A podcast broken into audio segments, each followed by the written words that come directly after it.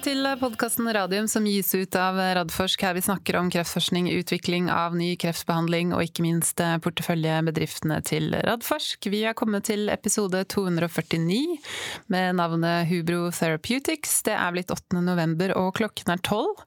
Jeg kan ikke si velkommen til Jonas Einarsson, for han er ikke til stede her. Men jeg kan si velkommen til Øyvind Kongstun Arnesen, som er styreleder i Hubro. Velkommen.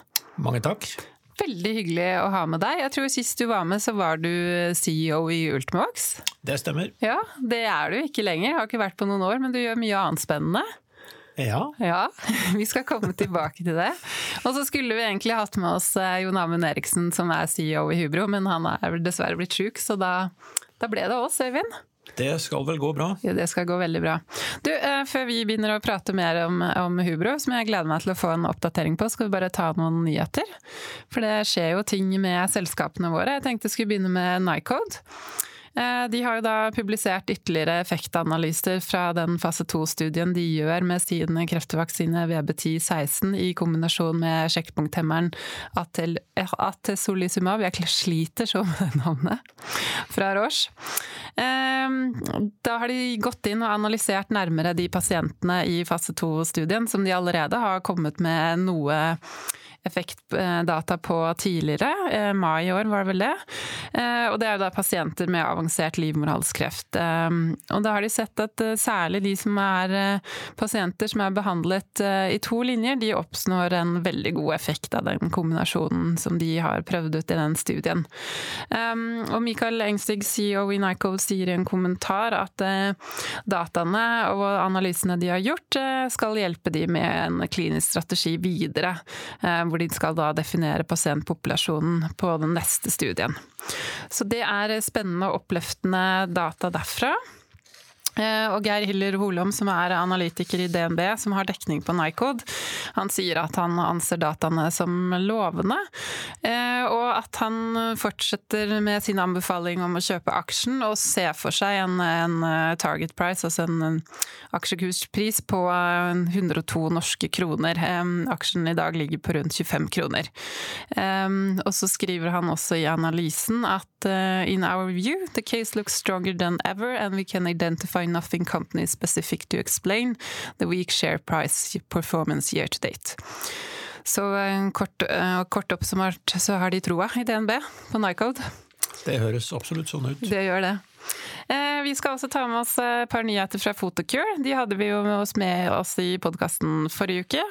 Eh, og da er det særlig den eh, nyheten, den snakket vi en del om forrige uke med godkjente Medicare-refusjonsordningen. Der har det jo nå kommet endelige betalingsrater som de har gått ut med.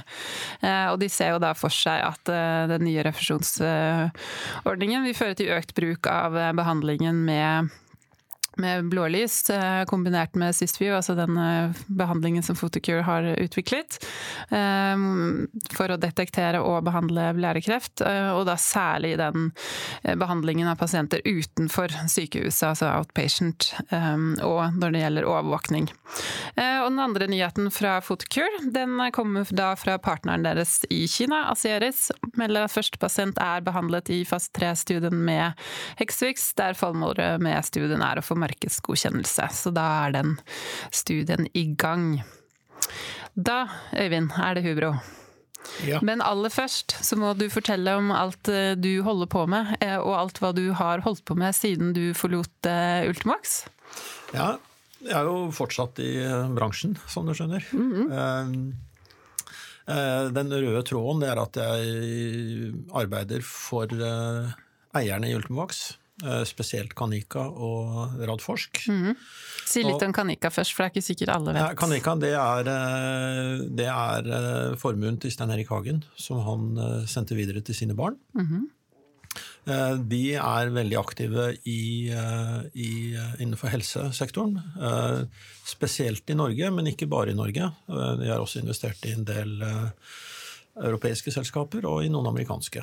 Så det jeg gjør der, vi er et team på fire som arbeider med å eh, se på selskapene, se om vi eh, syns teknologien er bra, om de har et, en eh, god ledelse, og om, om vi, vi, får trua på, på disse selskapene. Gjør rett og slett en vurdering Ja, ja, om det er vurdering. verdt å gå inn Ja. og investere i eller ikke. Ja, Mm. ja.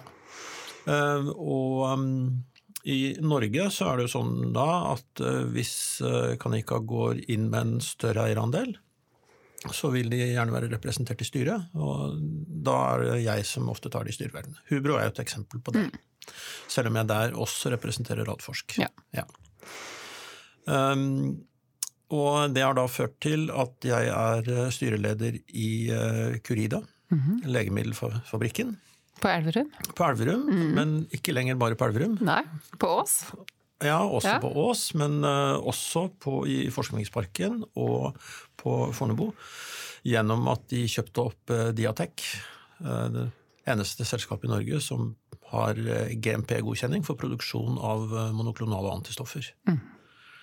Eh, Det skjedde ganske nylig, gjorde det ikke det? ja, det er bare noen uker siden. Ja? Selv om eh, for meg så skjedde det ikke så nylig.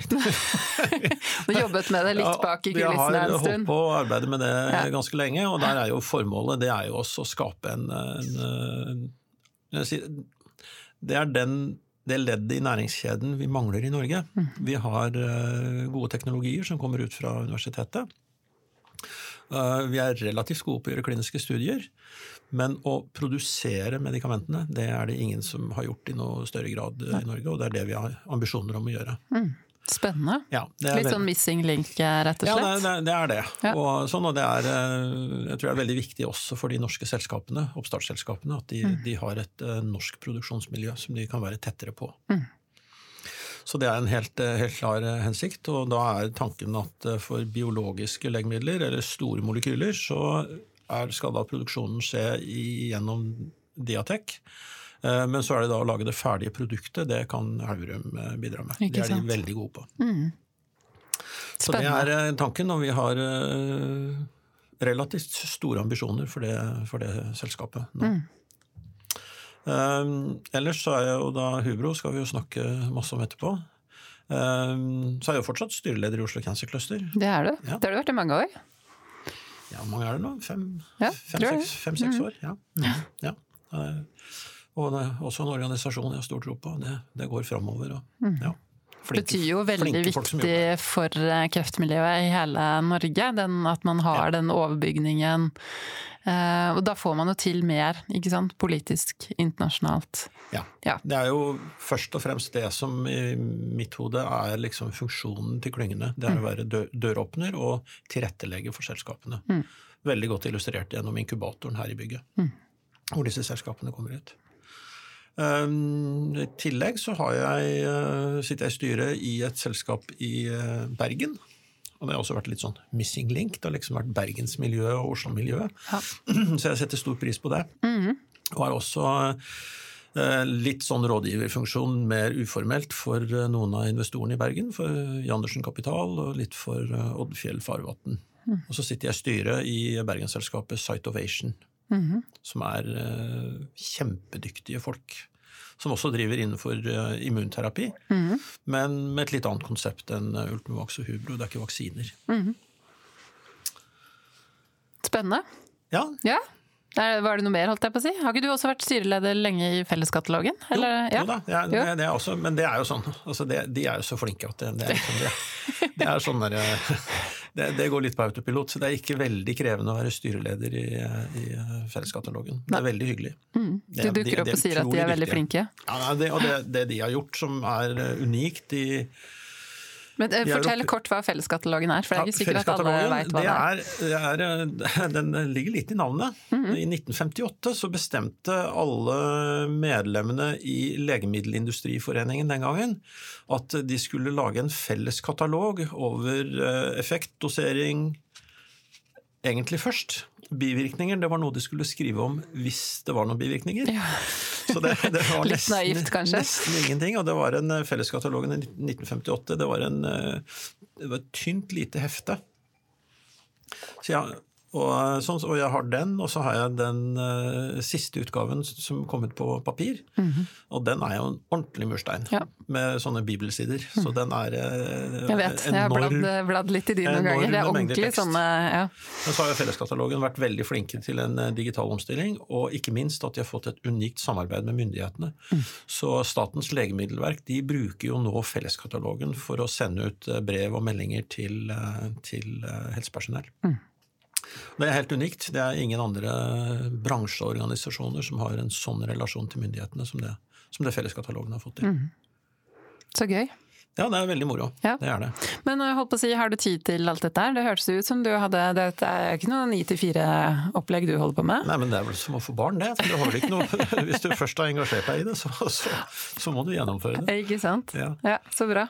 Eh, da kan vi jo eh, gå tilbake til Hubro. Altså, hva visste du om Hubro før du ble forespeila å gå inn i styret og bli styreleder? Jeg visste at det var en peptidbasert vaksine. Jeg visste at den kom fra det samme miljøet som peptidene i Ultimovax og Targovax. Uh, og det var omtrent alt jeg visste. Mm. Så kjente jeg jo Jon Amund litt da, da, han var i Targovax og jeg i Ultimovax. Ja. Og hva tenker du nå som, som styreleder?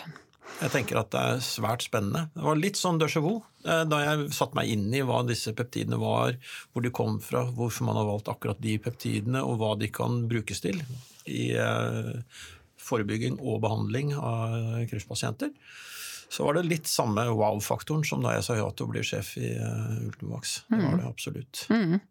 Og øh, kanskje for lytterne, da, altså, hva, hvordan vil du forklare forskjellen mellom de to selskapene?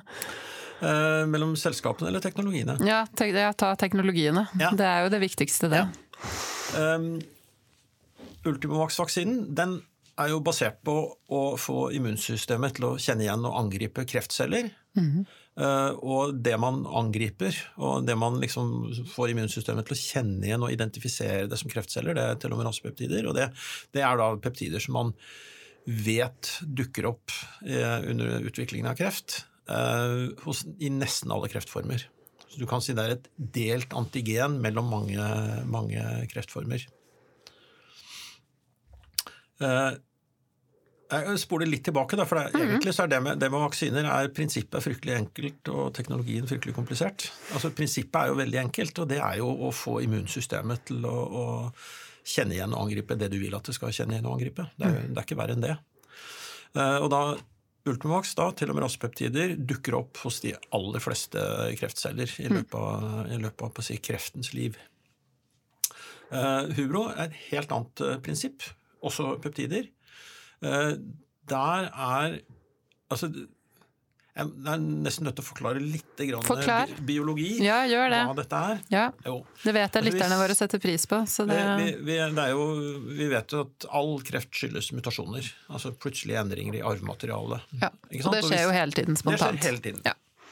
Og hvis de egenskapene som kommer, gir de nye cellene Eh, kreftlignende egenskaper, så kan de utvikle seg til kreftceller. Og da er det en hel masse sånne kriterier, som man sier. Mm. Um, og mutasjonen som skjer hos uh, pasienter som kan ha glede av hubrovaksinen, det er noe som kalles for framskiftmutasjoner. Mm. Makeskiftmutasjon, tror jeg vi sier på norsk. Ja, eller ja. egentlig rammeskift. rammeskift altså, ja. det, det, det, det, som skjer, det er at når en celle deler seg, uh, så må det lages en kopi av arvematerialet. Mm. Der skjer det feil. Mm. Der skjer det kopieringsfeil. Og det skjer ganske ofte. Og normalt så spiller ikke det så veldig stor rolle, fordi eh, kroppen har eh, reparasjonsmekanismen som ser at dette gikk gærent, og som mm. eliminerer de cellene, så det blir ikke noe mer ut av dem. Men så er det noen som har feil i de reparasjonsmekanismene. Eh, det kalles for Lynch syndrom. Og hos dem så vil de utvikle kreft på bakgrunn av disse fremskiftmutasjonene. Mm. Og det er to utgaver av den Lynch syndrom. Det ene er de som har ødelagt én, ett av genene for reparasjonsmekanismen. Mm. De har ca. 80% sannsynlighet for å utvikle kreft i løpet av livet. Mm. Eh, de som har ødelagt begge genene for reparasjonsmekanismer, de får kreft, og de får mange typer kreft. De får, kan typisk ha fått tre-fire typer kreft før de er 20 år gamle. Og de vet om det. De vet at de har den. Ja. Den første, som ikke er som 80% sannsynligheten, det vet folk stort sett ikke om at de har. Det, det, blir oppdaget gjerne med at det er mye kreft i familien, og dette er arvelig. Det har vært veldig mye kreft i familien, og så er det noen da som stiller spørsmålet har jeg en sånn arvelig økt risiko, og så tester de, og så finner de ut at ja, det har du. Og da er liksom De får helt typiske mutasjoner, og, det er helt, altså, og de mutasjonene er nærmest spesifikke for den typen kreft. Og det gjelder i stor grad så gjelder det eh, tykktarmskreft, også endometriekreft, det er altså slimhinnen inni livmoren, mm. eh, og eggstokkreft. Mm. Det er liksom de hyppigste sånn typiske krefttypene som er sånne fremskiftmutasjoner. Eller mikrosatellittinstabilitet er et annet ord som mm. brukes på dem. Og, da, er det, og de, er, de er temmelig immunogene. Altså de, de, pasientene som får disse krefttypene, hvis du ser på T-cellene deres, så vil du se at de har T-celler som kjenner igjen omtrent det samme. Det er mm. helt spesifikt. Uh, så det Jon Amund uh, tok initiativet til, det var jo å lage disse peptidene, disse antigenene, som, som er sånne frameskift-antigener. Mm. Og da har de lett etter hvilke er det som hyppigst forekommer hos disse pasientene som har, eh, som har, eh, har, eh, har kreft med bakgrunn i fremskiftmutasjoner. Mm. Og da er det liksom to-tre to, som er veldig, som forekommer i 80-90% av alle disse tilfellene. Mm. Og så har man laget vaksine av dem, av de peptidene. Mm. Og der er det jo gjennomført en fase 1 ja. i frivillige pasienter. Ja. Altså friske frivillige, heter det. Frivillige pasienter. Friske frivillige. Ja. Og det er jo rett og slett for å sjekke at vaksinen er trygg og blir tolerert og lite bivirkninger. Og at den gir immunresponser. Ja. ja. Mm. Det siste er veldig viktig, fordi uh, det ligger jo litt i kortene nå at vi har jo også planer om å utvikle dette til en forebyggende vaksine mm. for personer som har Lynch syndrom. Mm. Og da vet jeg ikke sikkert, men det er all mulig grunn til å tro at det å vaksinere en person som har kreft, gir andre immun, immunresponser enn å vaksinere en som ikke har kreft. Fordi mm. når disse T-cellene begynner å komme pga. vaksinasjonen, så i det første tilfellet, sånn som i, med, i Ultimovax og studiene der, så fins jo de antigenene allerede i kroppen på de kreftcellene som pasienten har. Mens når du vaksinerer forebyggende, så får du opp T-celler fra vaksinen. Men de har ikke noe sted å gå. Nei, ikke sant? De vet ikke hvor de skal gå. Kroppen, det er bare å bli liggende. Det er mm. egentlig det samme som ved, ved tuberkulosevaksine. Mm. du har ikke tuberkulose, men, eh, men, du lærer immunsystemet opp til å kjenne det igjen, sånn at det er klar hvis det kommer. Mm. Men at immunresponsene er forskjellige i de to settingene, det er det all grunn til å tro. Og hvis vi skal dokumentere en forebyggende vaksine, så må vi gjøre de friske frivillige. Mm. Og så er det da planer om en, en fase to. Kan ja. du si litt om uh, ja, nå har vi, nå har planer, studieoppsett, ja, tidslinjer? Si, si det jeg kan si, det er at vi har uh, endret litt på dem ja. i det siste. Ja, Det er lov. Det er helt riktig. Uh, vi, det, er en, det, er planlegging, en fase to-studie i ovarialkancer. Mm. Sånn. Men så har det skjedd da at vi har truffet et annet selskap de utvikler metodikk for ganske enkelt å påvise om noen har uh, Lynch syndrom. Aha. De gjør det på en, på, i en uh, hudbiopsi. Mm -hmm. uh, og da vi så dem, og vi satte oss ned og snakket med dem, så var det en veldig grei samtale. Fordi jeg stilte jo dem det spørsmålet at ok, dere kan påvise at noen har Lynch syndrom. Hva gjør dere da, når dere har påvist det? Mm. Og da sa de da, må vi forebygge kreften. Og så spurte jeg hvordan gjør dere det? Jo, vi må følge pasientene veldig tett. Mm. Og, og, og, så liksom behandle når den kommer? Ja, ikke sant? men det er jo ikke noe annet behandlingstilbud. Sånn, sånn, at tilbudet er egentlig å oppdage kreften tidlig, mm. ikke egentlig forebygging. Du må ikke forebygge at den dukker opp. Nei. Potensielt så kan jo en forebyggende vaksine gjøre akkurat det. Mm. Og for oss så er det jo da at de vil jo være et betydelig bidrag for å også identifisere personer som kan ha nytte av vaksinen. Mm. Er, sånn er, er, det litt sånn uh, hånd-hanske stormforelskelse. Stormforelskelse er mye bedre enn min hånd-hanske-metafor. Ja, ja, da går vi for Ja, den. det sånn der, vi må, Hvor har du vært i hele mitt liv? Ja, nettopp. Det Ja. var, det var helt sånn. Ja. Herlig. Så vi er jo nå Vi har jo begynt, da, uten å diskutere liksom, formatet på samarbeidet, Nei. så har vi begynt med å diskutere hva samarbeidet faktisk skal inneholde. Mm. Og sånn, så det, det bobler over av ideer om vi kan, hvordan vi kan gjøre, hvordan, hvordan vi kan bruke dette Mm. på å si, den der synergien, hvordan vi, vi kan få, få noe ut av det. Og, det. og det er jo veldig veldig morsomt, og det er litt sånn Jonas og jeg, vi har jo snakket om dette i mange år, at vi har jo veldig lyst til også, når vi har holdt på med Targovax og Ultimovax og holdt på med vaksinene, å kunne lage en forebyggende kreftvaksine. Og her er det et meget, meget godt biologisk rasjonale for å, for å gjøre det. Så så er det spennende. også morsomt, da, for det er litt sånn min første tid. eh, Så drev jeg med infeksjonsforebyggende vaksiner. for Man har laget denne meningokokkvaksinen. -hmm. Og jeg kjenner meg jo veldig igjen. Det er en ganske annen form for kliniske studier du bruker for å eh, dokumentere. Men, men fortell litt om det. Meningokokk det er hjernehinnebetennelse, Ja. ikke sant? ja, ja. Og den vaksinen ble jo utviklet i sin tid eh, på folkehelsa. Mm. ja. Det, jeg tror ikke det er alle som kjenner den historien, så dra gjerne den også. Ja, eh, det var altså på eh, midten av 80-tallet så var smittsom hjernehinnebetennelse, eller egentlig blodforgiftningen av de bakteriene, det er meningokokker dette her, eh, var et kjempeproblem. Vi hadde i Norge, og det var tragisk, vi hadde en 30-40 dødsfall blant 15-16-åringer i Ja. Norge i året eh, av den sykdommen. Og eh, det var en helt egen si, variant av gruppe B-meningokokker som ga det problemet i, i Norge. Og det var masse oppmerksomhet rundt det. Og da var det friske tak på Statens institutt for folkehelse, og de bestemte seg rett og slett for å lage, lage vaksine selv i Norge. At Folkehelseinstituttet skulle lage vaksine. Og så Jeg var på siste året på medisinstudiet. Og jeg syntes det prosjektet var så spennende. Og sånn, så jeg, først skulle jeg være forsøksperson mm. i fase 2-studien. Uh, sånn, men så ble jeg sjuk den dagen vi skulle få vaksine, så det ble ikke noe av. Jeg kunne ikke det. Nei. Og så hadde jeg fortsatt lyst til å bli med i prosjektet, så da dro jeg bort på Folkehelsa og så spurte jeg om de trengte en frivillig til å arbeide på prosjektet. Og det gjorde de.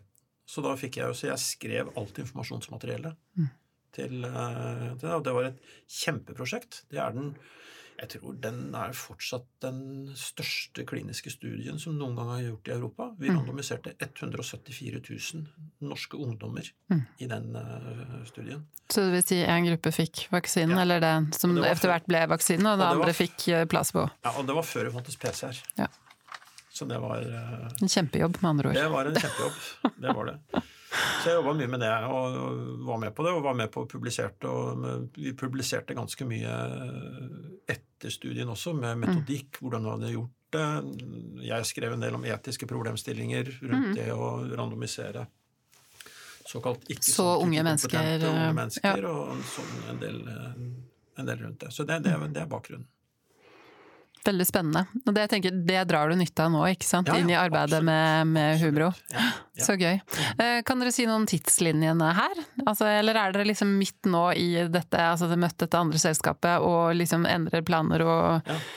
og um, Vi kjører den uh, ovarialkancerstudien. Den kjører vi som planlagt. Ja. Og sånn. Men uh, det er klart det gjør jo noe med mm, hvordan vi bygger opp selskapet. Mhm.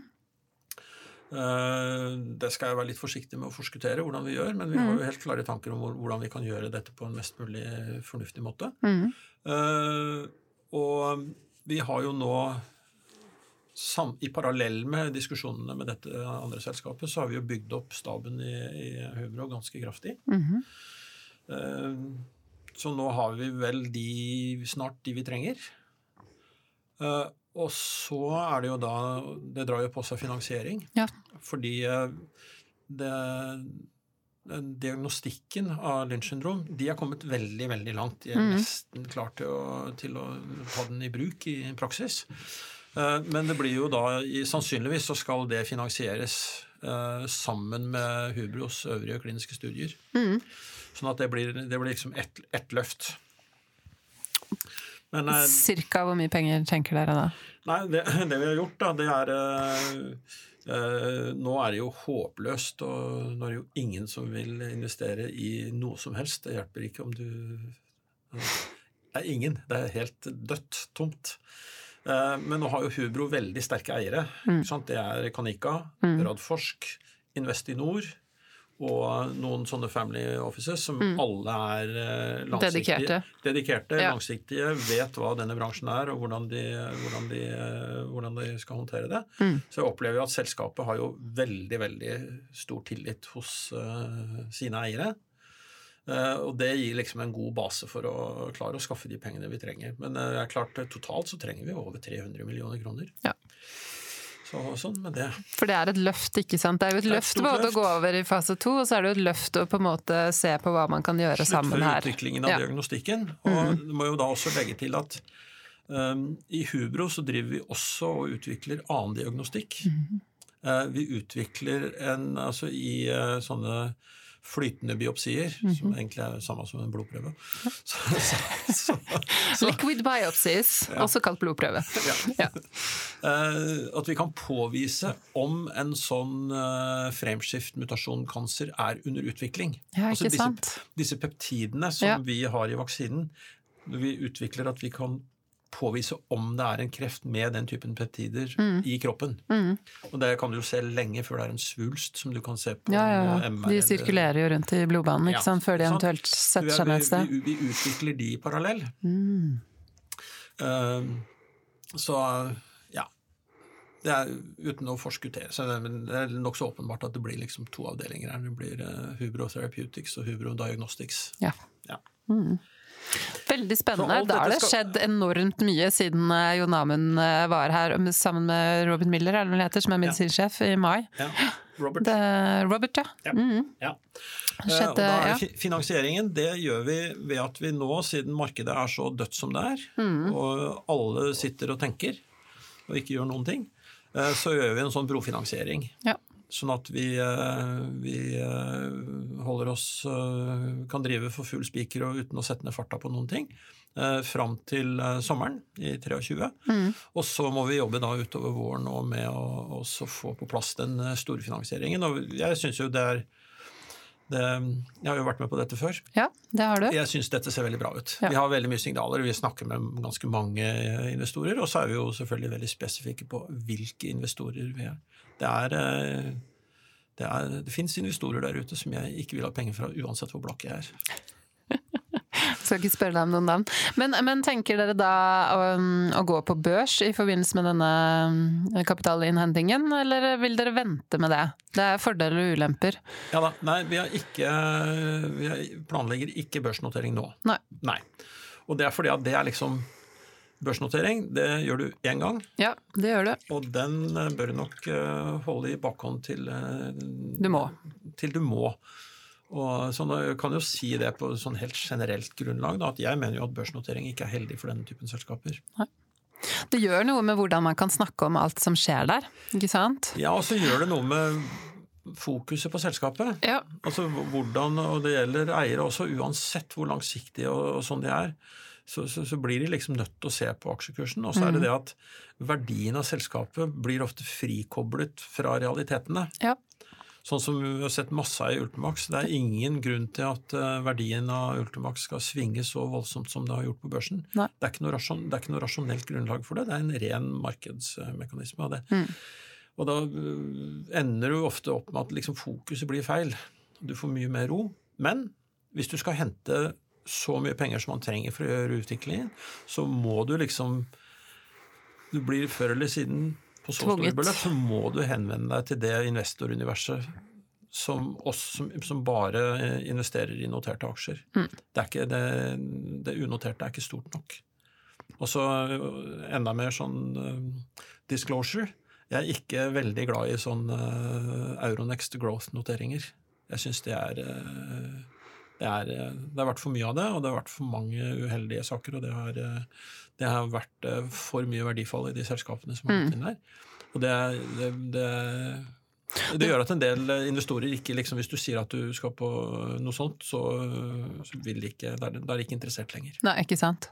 Nei, for det var jo en voldsom bølge med både biotek og andre tech eh, som gikk på Euronext, og så på en måte kom jo dette den vanvittige fallet ikke sant, i både tech- og biotek-aksjer. Ja, så, så, timingen her har jo heller ikke vært eh, god, ja. rett og slett. Så, så, så Nei, jeg syns det, det, det, er en fordel å kunne gjøre det, men eh, de aller fleste vil ikke klare å finansiere full utvikling av et eh, kreftmedikament uten Nei. å gå på børs. Nei, det koster jo helt vanvittig mye penger. Fremdeles. Ja, ja, helt, Selv om det er færre pasienter nødvendigvis i studier nå, så, så er det jo Ja, men pasienten ja. er mye dyrere. Ja. Så, det, så er, det, er, det, er, vanvittig mye penger. Mm. Men uh, utrolig spennende. Det blir veldig gøy å følge Hubro videre, da. Og ja, høre mer om, om, planene som kommer. Uh, hva tenker du er liksom Du var litt innom det med sommeren uh, neste år, at hente penger da. Er det noen andre milepæler vi skal følge med på? Kommer dere til å være på noen vitenskapelige konferanser? Kommer dere noen publikasjoner? Det er jo så det deilig. Jeg kan spørre om sånne ting, for dere er jo ikke på børs. det gjør vi. Det kommer til å komme sånn jevnt og trutt. Jeg kan ikke være noe mer spesifikt enn det. det kan Men den ikke. første store nyheten i mitt hode, det er jo uh, disse to selskapene. At det blir en sammenslåing. Absolutt. Det er det. Ja. Og det er nært forestående? Ja, altså vi har, som jeg sier, vi har begynt å, vi begynner med å diskutere fag. Ja. Og det er sånn, det er, altså med med staben i de to selskapene. Hvis de får lov til å diskutere fag, det er, det er da de blir forelska. Ja. ja. når, når, fagnerdene kan møtes ja, og, og de, se liksom de, felles de, det, er, muligheter. Da, da, er det etterpå, og da er det liksom Da er Det var jo akkurat sammen med Immuni i Ultimax, ikke sant. Mm. Så, så, det svenske selskapet, som er Ultimovax AB. Som er Ultimovax AB. Med Sara Mangsbo og Ja, det er de. Mm, ja. Um, der er det bare veldig viktig at man um, har det helt klart for seg når man diskuterer sammenslåing, mm. at dette er en sammenslåing som er faglig nyttig ja. for begge selskapene, ja. og at ingen liksom prøver å, å, tjene mest mulig penger i den settingen. Mm. Det er veldig viktig. Ja. Og da trenger man jo ikke sånne overskrifter som DN hadde i forbindelse med det, husker du det? 25 millioner kroner per hode. 25 millioner per hode. Mm. Mm. Da tror jeg du og jeg så på hverandre og tenkte nå har dere ikke skjønt mye her, DN. Nei. Eller så tenkte jeg ja, og det er det verdt. Ja. Veldig bra. Eh, noe annet eh, du vil legge til, som vi ikke har vært innom? Eh, ikke som jeg kom på sånn med, med en gang. Nei. Men jeg kom på én ting du glemte å nevne når du Ops. skulle snakke om alt hva du holdt på med. Og ja. det er at du glemte å nevne at du er mentor for eh, Ullern videregående skole ja, og forskerlinja. Ja. Og, og, for jeg driver jo nemlig og sitter og er med på alle disse mentormøtene og skriver om de og sånn. Kan ikke du bare si litt om, eh, om hva dere gjør der? Jo, det er, altså, Ullern videregående har jo en egen forskerlinje. Mm. og Da er det tre eh, Første, andre og tredje. Første, andre og tredje. Og mm. så er det da uh, forskere og, og, folk som driver med oppstartsselskaper. Altså Jeg definerer ikke meg selv som forsker. Nei. Dere har ganske bred bakgrunn, de ulike mentorene, ja, for de ulike de, linjene. Og, og, mm. Noen av dem er rene forskere, sånn som ja. de to som driver med, de som driver med kvantefysikk. Ja, de det er, husker jeg. ja, de er eh, ikke sant? De er kjempe, de er veldig Og så er det, og så er det der Jeg, jeg syns det er veldig, veldig eh, artig å gjøre. Og jeg må jo helt ærlig innrømme at nivået på elevene på forskninga på Ullern videregående ja, det er, høyt. er langt over det vi var i på samme alder. Ja. Det er, eh, og, sånn, og det, ikke bare på sånn kunnskap og sånt, men Det er med modenhet, refleksjon. Ja. Veldig, altså. Eh, spørsmålene de stiller dere. For det, sånn det er, er jo at dere presenterer dere, dere som er mentorer. ikke sant? Og ja. så har de forberedt seg, gjort research, og så stiller de spørsmål. Ja. Det blir mye morsomme diskusjoner, så jeg elsker å være flue på veggen. Eh. Jeg ble jo litt sånn fornærma, da. De var mye mer interessert i disse kvantefysikk enn det jeg holdt på med. jo, men jeg tenker Det som jeg syns er interessant når jeg har sittet og hørt på, da, for jeg har jo hørt på første, andre og tredje klasse. Ja, ja. Og den utviklingen i spørsmålene man også har fra første til tredje. Altså de, du ser at de i tredje er jo mye mer opptatt av eh, hva slags type jobb, hva, hva, slags type utdanning. De er blitt veldig sånn praktisk eh, orientert, da, som er liksom naturlig, for de skal jo videre, liksom. Mens disse i første klasse er jo veldig drevet av nysgjerrighet, ikke sant. Mhm. Det er jo som en sånn Pandoras eske som har åpnet seg Ja, for dem. Og det som jeg også syns er så herlig da, når jeg hører på dere mentorer, for jeg, jeg syns en ting som er gjennomgående, at det er nesten ingen som er blitt det de trodde de skulle bli. Ut fra når de Nei. gikk på skolen. Nei. Og det, det tror jeg er en veldig nyttig læring for dagens unge i det samfunnet de vokser opp med. Å skjønne det at, eh, at livet blir bra. Du får deg spennende jobber, selv om du ikke nødvendigvis blei sånn som du trodde. Ja, så Den der serendipity, ikke sant. Ja, og så, så jeg, jeg er jo veldig på å sånn si til dem det at, eh, at uh, eh, dette, veldig med det med å liksom få til ting, og da tenker jeg altså, definisjonen på få til ting, det er liksom også få til det du har lyst til å få til. Ikke sant. Ikke sant? Det du er motivert til. Det du er motivert for, og sånn, det er veldig, veldig mye et spørsmål om selvtillit. Mhm. Ikke sant? Og det er jo, sånn, den alderen de er i, så er det en sånn brytningsperiode. Ja. Uh, og, og ja, også litt sånn fordi jeg fortalte jeg opplevde den reisen selv. Mhm. Så jeg var jo en uh, totalt eh, dust i uh, matte og er- fysikk og sånn på skolen. Det er dine, dine egne ord, da. Ja, Ja. ja. men jeg var, ja, altså, og karakterene. Men det var vanskelig. Det var du syns det var vanskelig, men det var fordi at jeg hadde opplest og vedtatt for meg selv at dette var noe jeg ikke fiksa. Mm. Og så fikk jeg noen flinke lærere som, hvor det snudde, og da var det Mm. jo stikk motsatt. Jeg var kjempe, kjempeflink i matte. Så mye kan en lærer bety. Mhm. Ja. Ja, de er, eh, ja. Gi de et skikkelig lønnsløft, sier jeg bare. Nei, men Jeg måtte bare nevne det, nevne det Øyvind. For jeg veit jo at for disse elevene så tenker jeg det betyr så enormt mye å, å få høre nettopp sånne ting. Altså Man strever jo med ting. Men de er jo så opptatt av at de skal fikse alt. Men det er jo ikke alltid man fikser alt, men ting går jo bra likevel. Ja. Mm. Det er fin læring å ha med seg. Mhm. Men du, dette var veldig hyggelig. Eh, Da gleder jeg meg til å få med deg og eh, Jon Amund. eh, Det blir jo på vårparten, da. Når Ja. ting kanskje er litt mer Ja. satt og Ja, får høre litt mer. Veldig gjerne. Men jeg, Så- jeg, er veldig optimist, og mm. det er veldig moro å jobbe med Jon Amund og, og med den teknologien. Mm. Så bra. Takk for at du var med oss i dag. Bare hyggelig.